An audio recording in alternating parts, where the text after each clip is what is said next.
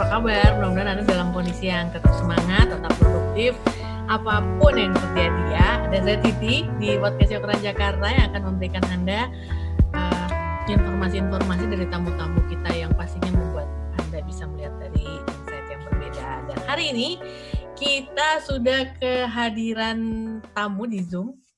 Langsung aja kita sapa ya. Halo Erik Iskandar, apa kabar?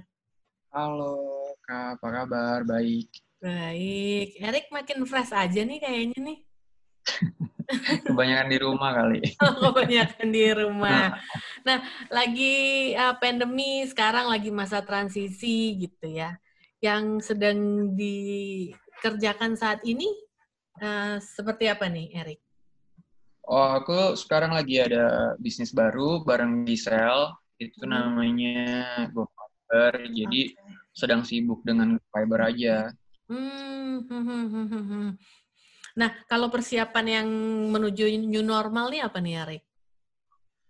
Uh, new normal sih baru banget ya buat saya hmm. karena um, gimana ya kayak saya suka lupa bawa masker, saya suka lupa yang namanya uh, kayak kalau masuk ke mana-mana tuh harus pakai masker. Sekarang di mobil pun harus pakai masker. Jadi um, ngerasanya kayak benar-benar harus ngebiasain hal-hal yang baru gitu. Mm-hmm. Jadi dikit-dikit kita harus kayak lebih concern mm-hmm. uh, ke bersihan, cuci tangan, mm-hmm. dan selalu harus apa ya? Kalau bisa dibilang hand sanitizer harus selalu deket uh, mm-hmm. kita, terus kita pakai. Terus sekarang lebih Parno buka pintu, kalau misalkan hmm. masuk ke kafe kita sekarang Parno buka pintu, terus hmm. gitu. Um, tapi ya balik lagi kita semua pasti kuat untuk ngadepin ini dan kita manusia beradaptasi dengan hal-hal yang baru. hmm Saya rasa setiap orang pasti bisa menghadapi ini semua. Yang penting kita sebagai uh, balik lagi sebagai manusia itu harus kalau boleh dibilang sih harus apa ya kayak berjuang dan hmm. jangan pernah takut dan jangan menyerah gitu. Hmm. Balik lagi ke Go Fiber ya. Kenapa sih Gisel? Ada sejarah apa dengan Gisel? Uh, sejarah tuh kita berteman udah lama, udah cukup lama hmm. banget. Dan kebetulan Gisel itu orangnya um, maksudnya kita pernah pernah meeting gitu dulu sebelum saya membuat ini sama Giselle kita buat berdua hmm. dan uh, gimana ya untuk untuk ngerasa sehat selalu gitu untuk uh, ngedetox tubuh uh, karena kan sudah banyak obat-obatan pelangsing gitu di di luaran hmm. yang memang ber POM gitu kita bisa nggak sih me melakukan sesuatu untuk untuk masyarakat supaya masyarakat ngerasa aman untuk ngedetox tubuh, jadi nggak perlu ngerasa ketakutan. Ya. Jadi saya benar-benar bilang sama Gisel, Sel yuk kita bikin produk bareng gitu. Gisel juga orangnya kan concern banget dengan uh, kesehatan dan juga dia orangnya juga uh, aktif juga, olahraga juga, jadi pengen banget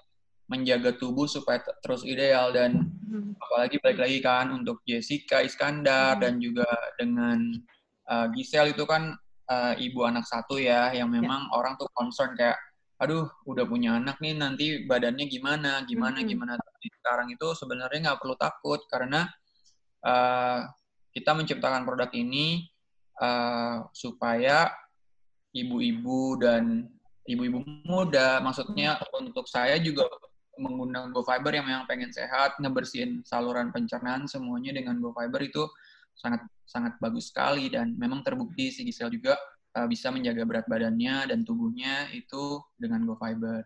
Mm-hmm. Bicara mengenai GoFiber, ada yang udah di Surabaya, Sidoarjo, Tangerang, banyak ya, Bali juga. Jadi keliling-keliling dong ini, Erik. Ya, sebenarnya itu tadi sih saya belum ada waktu. Maksudnya bukannya belum ada waktu, tapi memang tidak bisa sama sekali untuk roadshow atau untuk hmm. memperkenalkan produk ini secara uh, lebih detail lagi ke kota-kota yang memang tidak ada distributornya. Tapi uh, kita mencoba uh, sebaik mungkin untuk merich semua daerah di Indonesia supaya warga-warga uh, di Indonesia seluruh Indonesia bisa terus menggunakan uh, dan apa merasakan khasiatnya dari uh, GoFiber ini gitu. Hmm, hmm, hmm, nah kalau tentang usaha makan sehat nih, pola hidup sehat seorang Erik Iskandar tuh kayak gimana sih? Uh, sekarang tuh saya lagi suka yang namanya uh, ngejus fresh juice. Saya lagi suka setiap pagi saya uh, fresh juice. Kebetulan hari ini enggak karena hari ini dari pagi interview sama media. Jadi uh-huh. abis ini kayaknya, abis ini terakhir oh, nih saya. Oh, oke. Okay. Kita bakal ngejus. Tapi yang saya mau share ke kalian adalah ternyata celery itu tuh bagus banget buat kalian. Jadi kayak uh, jus celery itu uh-huh. memang sih kalau mungkin ada orang yang ngerasa kayak uh, baunya ya, baunya itu memang yeah. strong banget kalau untuk celery, tapi khasiat dari celery itu tuh sangat-sangat bagus, sangat bagus sekali. Jadi mungkin bagi penonton semuanya atau yang pendengar mudah-mudahan bisa coba celery itu sangat-sangat baik sekali. Mm -hmm. Mm -hmm. Kalau bicara soal hidup sehat gitu ya, uh, saat ini uh, Erik merasa cukup sehat secara badan dan secara pikiran? Kalau kondisi sekarang badan, nih. Uh, kalau secara badan sih saya ngerasa sehat. Uh, saya juga olahraga dan saya ngerasa sehat. Tapi mungkin lebih ke pikiran kali ya dengan yeah. adanya uh, pandemi dan hal hal-hal dengan bisnis dan hmm. semuanya itu lebih kebanyakan saya sih di pikiran kali. nah, jadi lebih ke pikiran. Tapi kalau secara badan saya optimal. Uh, saya sangat menjaga pola pola hidup, pola makan dan uh, secara multivitamin juga saya jaga dengan baik dan pola tidur yang paling penting 8 jam sehari itu itu sangat sangat penting banget buat uh, semua uh, manusia di dunia ini kak. Jadi jangan sampai nonton nonton Korea itu bagi teman-teman saya yang pada nonton Korea sampai jam 5 pagi, jam 3 pagi tolong di stop. Mm-hmm. Korea itu tidak membantu kalian untuk menjadi happy, malah yang ada tidur tidur sampai malam banget dan nangis-nangis. Itu jadi kayaknya nggak merusak Karena pikiran. Stop, enak nontonnya langsung 16 gitu. Kalau nunggu-nunggu lagi kelamaan, Rick. Iya. Banyak yeah. banget yang nonton. Mm-hmm. Kita lihat nih dari, dari salah satu sosial medianya Erik gitu ya, ada corona effect gitu ya. Erik uh, apa namanya agak sedikit uh, apa ya di TikTok gitu. Itu emang ajang seneng-seneng aja atau gimana sih, Rik?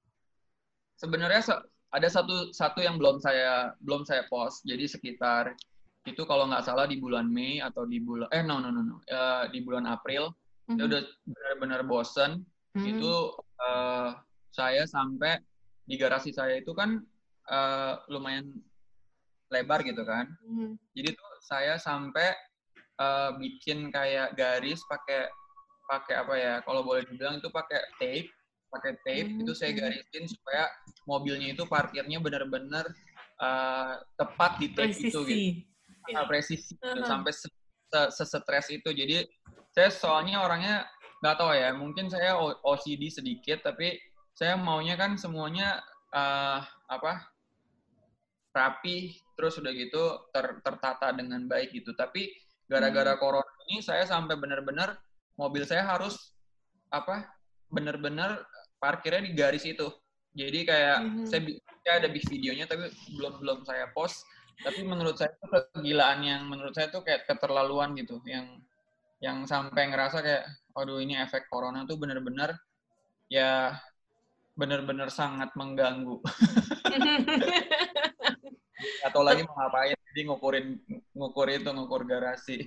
Hmm, Erik deket banget ya sama El. Oh iya, kalau El Barak saya sangat dekat sekali dengan El Barak. Sedekat apa? Ya intinya kalau El Barak itu uh, misalkan minta sesuatu dari mamanya, terus mamanya nggak kasih ya langsung ke saya. Jadi Manggilnya kayak, apa sih El Barak? Manggil Uncle, Uncle Eric. Uncle, Uncle Eric, oke. Okay. Ya. Ah. Jadi kalau dia itu paling bisa banget Kalau sama mamanya kan, mamanya kan lumayan yang kayak no no gitu kan, bener-bener dia bad cop-nya gitu. Kalau saya tuh ya udah saya nggak bisa apa-apa, apalagi kalau El Barak itu tuh ngomongnya pinter banget, jadi kayak bisa ngomong macam-macam, jadi kayak bisa tiba-tiba saya langsung di posisi yang ngerasa aduh kasihan banget nih kalau nggak dibeliin gitu. Dia dia bisa kayak gitu. Dia dia manipulatif dan dia sangat politik. Dia politik banget. Jadi terbawa lah angkelnya ini ya ya. Ya, jadi dia bisa bilang segala-gala. Jadi kayak ntar dia ada hadiah graduation, nanti dia ada hadiah apa lagi, nanti ada early birthday present. Jadi dia selalu uh, cari cari alasan-alasan itu untuk kayak pengen beli ini nanti ya udah birthday nggak usah kasih kayak gitu-gitu. Tapi kayak uh, aduh ngomongnya pintar banget. Pokoknya bisa kejebak kalau ke mall sama dia. Bicara mengenai kakak gitu ya Jessica Iskandar. Hmm. ada rencana mau bisnis bareng atau udah? Atau sedang oh, sudah jedar kosmetik dan hmm. baby LBK untuk Jessica Iskandar dan El Barak saya sudah membuatkan kayak proper bisnisnya dan memang sudah berjalan kalau untuk itu yang saya sekarang sedang lakukan adalah uh, dengan uh, Giselle Anastasia itu di Go Fiber. Mm-hmm. Dan nanti uh, next next project will akan dengan Prilly Prilly Konsina. Hmm, gitu. bocorannya dong apa gitu. Oh masih nanti. Nanti mas, launchingnya memang masih nanti atau produknya sebenarnya udah ada, tapi tinggal ininya nih apa namanya hot moment. Sebenarnya lebih uh, le, lebih ke apa untuk pengesahan aja karena kan uh, apa namanya produk ini kan memang harus benar-benar diteliti dan harus kita persiapan dengan baik tapi secara produk sudah ada semua dan uh, marketing toolsnya sudah siap semua jadi benar-benar kita tinggal menunggu uh, kayak BP POM dan sertifikat-sertifikat uh, yang lain untuk segera karena kan memang lagi pandemik juga memang dari situ uh, sedikit terhambat ya jadi um, kita tinggal tunggu aja sebentar lagi mudah-mudahan. Hmm. Kenapa Prilly? Uh, saya suka, maksudnya Prilly itu menurut saya salah satu millennials yang harus dicontoh dengan keberhasilan dia, dengan sukses yang dia punya, dengan uh, saya ngobrol sama Prilly juga nyambung, uh, jiwa bisnisnya uh, sangat um, kalau boleh dibilang dia sangat sangat pebisnis tangguh gitu ya meskipun umurnya baru 23 dan dan produk saya ini memang uh, untuk halayak uh, millennials dan orang yang uh, apa namanya membutuhkan asupan-asupan multivitamin. Jadi memang uh, kita menciptakan produk ini sama Freely supaya uh, ya intinya memang Freely juga suka sama produknya dan dia cocok jadi kayak hmm akan akan ya mudah-mudahan bakal bagus. Bukan hanya sekedar menjadikan artis selebritis itu sebagai brand ambassador, tapi artis selebritis langsung ikut loh ber harus, harus. Uh, uh, uh, uh, itu uh, itu memang memang uh, artisnya sendiri yang memang uh, suka barang yang ditawarkan oleh Eric atau mungkin mereka memang uh, mencari ladang bisnis baru gitu untuk tetap expand dalam segi di luar keartis keartisannya gitu. Kalau saya sih uh, biasanya saya hanya menawarkan kalau untuk bekerja sama mungkin karena dengan dengan background saya yang dulu sering ditipu orang dan sering banyak orang yang mengambil keuntungan dari dari saya dan adik saya, saya uh, sekarang hanya memilih orang-orang tertentu yang memang mau berkembang secara bisnis karena memang saya uh, spesialis di bisnis marketing dan memang uh, saya bisa maksudnya kalau kalau saya lebih ke orang-orang back back ya kayak lebih belakang gitu. Hmm. untuk ngerjain operasionalnya productionnya saya memang lebih spesialis di situ dan tapi kalau untuk artisnya sendiri ya saya ngelihat potensial nggak karena nggak setiap artis itu bisa dan nggak setiap orang itu memang bisa berbisnis itu tidak mungkin kalau saya sendiri saya uh, bagus di bisnis, di operasional, di production, tapi saya belum tentu bisa uh, melakukan marketing sebaik Giselle atau sebaik Prilly dan atau sebaik Jessica. Jadi saya memang lebih lebih business mindednya di saya, tapi kalau untuk saya balik balikin lagi kalau untuk uh, promotional marketing itu memang saya lebih uh, serahin kepada orang-orang yang lebih expert di situ. Jadi menurut saya orang orang-orang di sekitar saya yang saya pilih untuk menjadi partner bisnis saya itu uh, harus yang memang expert di bidangnya. Hmm, hmm, hmm.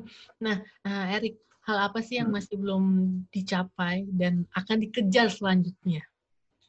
Uh, kalau saya sih sebenarnya nggak terlalu muluk-muluk ya. Saya mungkin waktu kemarin kemarin kemarin sebelum pandemik itu saya ngerasa kayak oh kurang ini kurang itu kurang ini kurang itu. Tapi pas di pandemik ini saya sangat banyak belajar bahwa um, ya kita tuh sebenarnya manusia itu ya nggak bisa apa-apa juga kalau benar-benar sangat-sangat uh, orang yang bukan orang ya jadi makhluk yang memang ya kalau boleh dibilang sih lemah gitu. Mm-hmm. Jadi uh, dengan adanya pandemik ini saya sangat berpikir kayak uh, wah bisa segitunya ya, bisa bisa stop semua ini dan mm-hmm. dulu sempat mungkin saya sempat waktu lagi kesel pas macet-macetan di Jakarta hmm. gitu mau meeting sama orang telat dan macet gitu.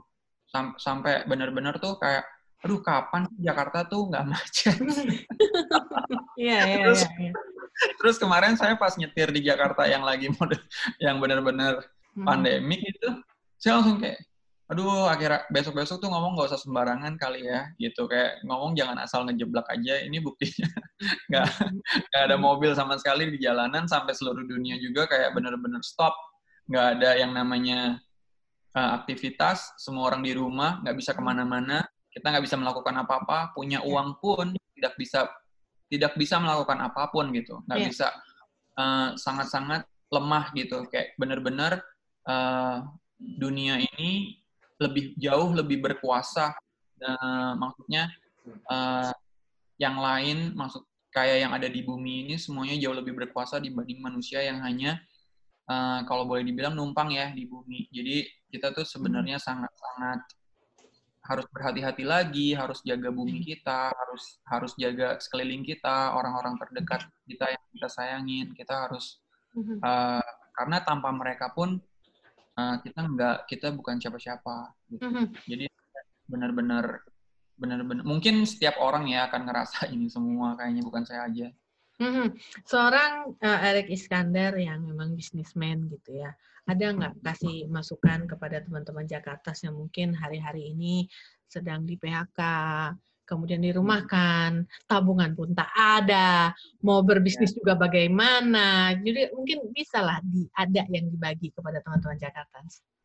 Uh, buat saya, uh, untuk semua uh, pendengar Jakarta, koran Jakarta, saya berharap uh, pasti dari setiap cobaan selalu ada titik terang dan jangan pernah menyerah. Saya tahu kondisi yang saat sekarang ini sangat sulit dan uh, saya cuma bisa ngomong aja, saya nggak ngerasain. Tapi balik lagi saya ngerasakan uh, dan bukan hanya kalian, teman-teman saya pun merasakan yang sampai mungkin di posisi yang uh, sudah sudah mapan ya kalau boleh dibilang, tapi dengan karenanya pandemik ini tiba-tiba langsung nggak punya apa-apa dan dan semuanya stop dan semuanya itu. Dan saya saya pun saya saya sangat sangat mengerti dan uh, saya turut prihatin akan itu. Tapi uh, jangan pernah nyerah karena balik lagi kita ini adalah manusia yang bisa beradaptasi. Kalau hmm. memang bukan jodohnya kita ya kita ya kita sabar aja. Kita sabar. Pasti hmm. suatu saat hal hal baik akan datang ke kita. Yang penting kita selalu iya. berbuat baik, jangan pernah uh, jangan pernah melakukan karena uh, aku sangat percaya dengan karma gitu. Jadi uh, jangan pernah kita ber, berperilaku yang tidak baik kalau kita nggak mau uh, sesuatu yang jelek kena ke kita. Yeah. Gitu. Oke, okay, Erik, terima kasih. Selamat bikin jus buah ya. Sehat-sehat iya. terus. Yeah nanti sellerinya yang gede-gede itu ya nanti yang di jus ya pasti iya iya itu itu itu itu bagus banget. Uh, bisa nurunin kolesterol darah tinggi terus antioksidannya juga tinggi banget. Dan memang um, saya berusaha untuk mungkin nanti next product saya akan menggali lagi uh, produk-produk yang memang mengandung seleri yang benar-benar antioksidannya tinggi mencegah kanker dan sebagainya. Karena memang dengan dengan kondisinya kayak sekarang ini Hmm. kita butuh namanya multivitamin dan kita Iya. sangat membutuhkan uh, imun imun kita itu bagus. Oke. Thank you ya Erik Iskandar, seorang bisnismen yang bekerja sama dengan banyak artis-artis terkenal. Sukses terus ya, sehat dan tetap semangat. Thank you, bye. Oke. Jaga Trans, demikian interview kita tadi dengan bisnismen Erik Iskandar. Mudah-mudahan Anda bisa dapat insight yang menarik tadi ya. Saya Titi undur diri. Terima kasih. Bye. Thank you, Erik. Ya, bye.